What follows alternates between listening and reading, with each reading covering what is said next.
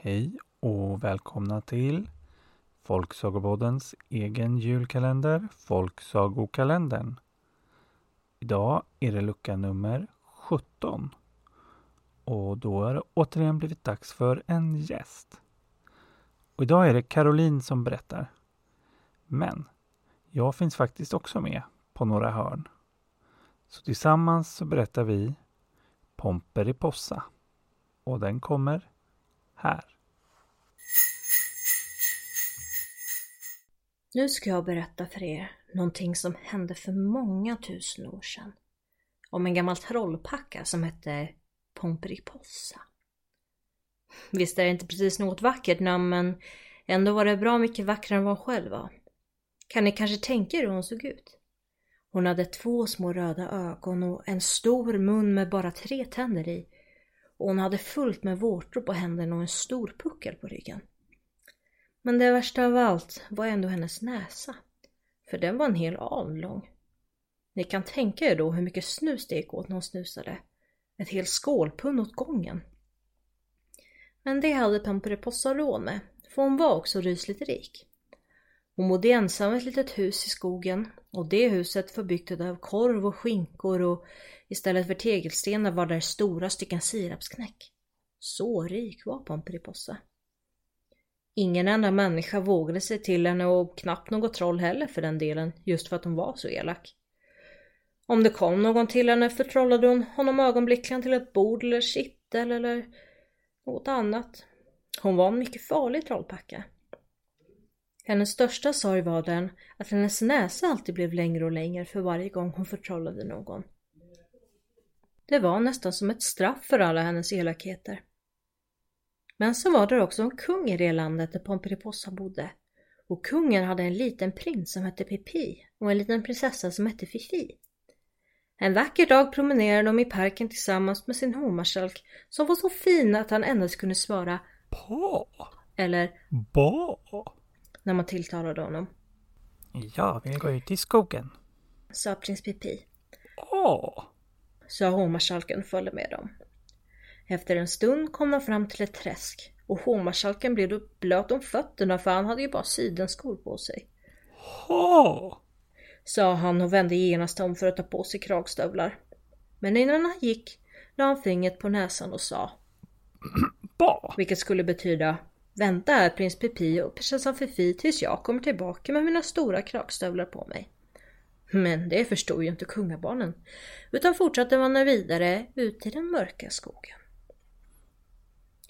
Det var just samma skog i vilket Pomperipossa bodde. Och alla fåglar började genast kvittra Gå inte dit, gå inte dit! Men prins Pipi förstod inte fåglalåt, utan sa till sin syster Om vi skulle ge oss ut på äventyr. Det är så tråkigt hemma. Jag har visst sex öre. Hur mycket har du, prinsessa? Jag har bara ett enda öre. bara Fifi. Men jag kan steka äpplen.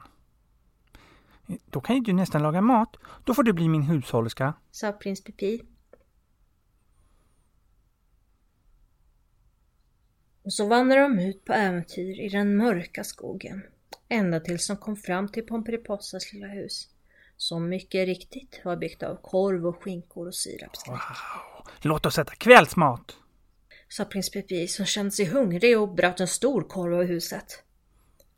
Men då stack Pomperipossa ut sin långa näsa genom fönstret och såg på dem. Kom hit in.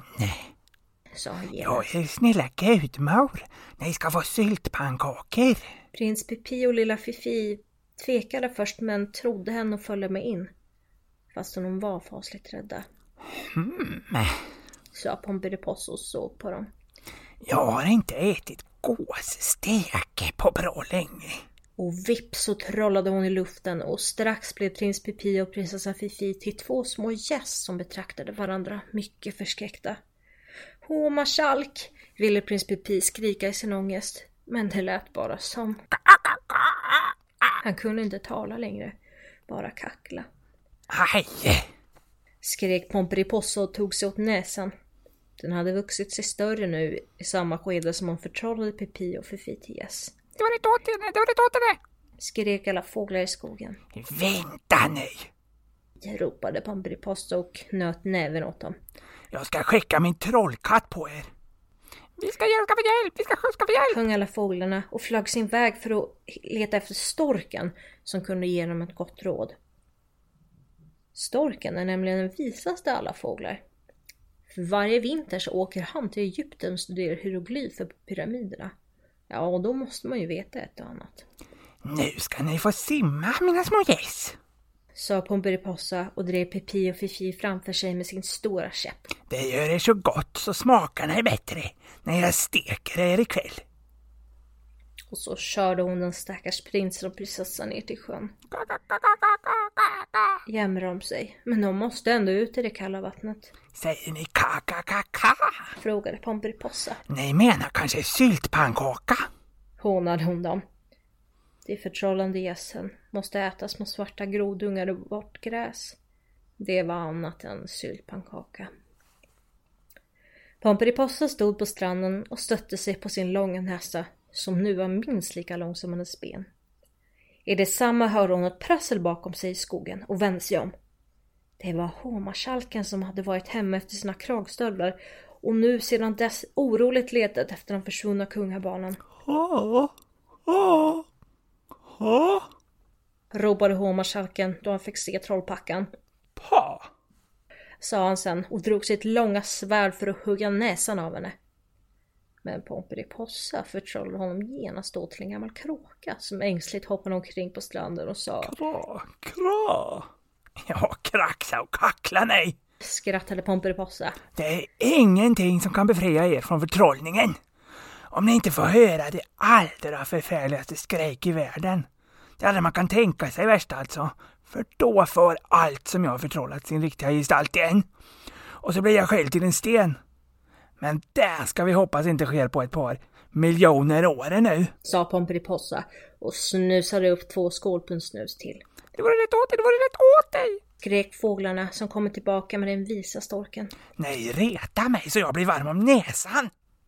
Fräste Pomperipossa och stack näsan ner i sjön för att svalka den. Men se det skulle hon aldrig ha gjort. För nere i sjön var det en stor kräfta som inte hade fått middag på tre dagar. Och den kräftan knep sig fast med sina klor i Pomperipossas långa nos. Och Pomperipossa skrek så förfärligt att hon blev alldeles blå som ett plommon i hela ansiktet.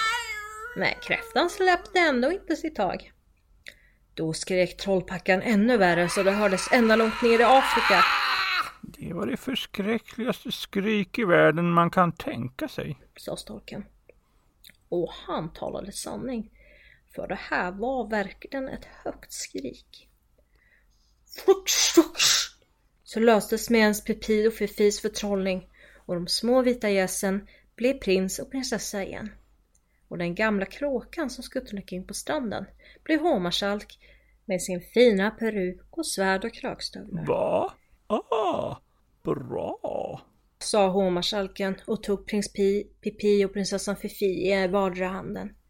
Och så sprang han med dem det värsta han orkade, genom skogen och tillbaka till slottet där kungen satt och väntade på dem med ett riksris i vänstra handen och ett stort riksäpple i den högra handen. Han var mycket arg, för de hade varit borta väldigt länge. Na, na. Sa hovmarskalken lugnande.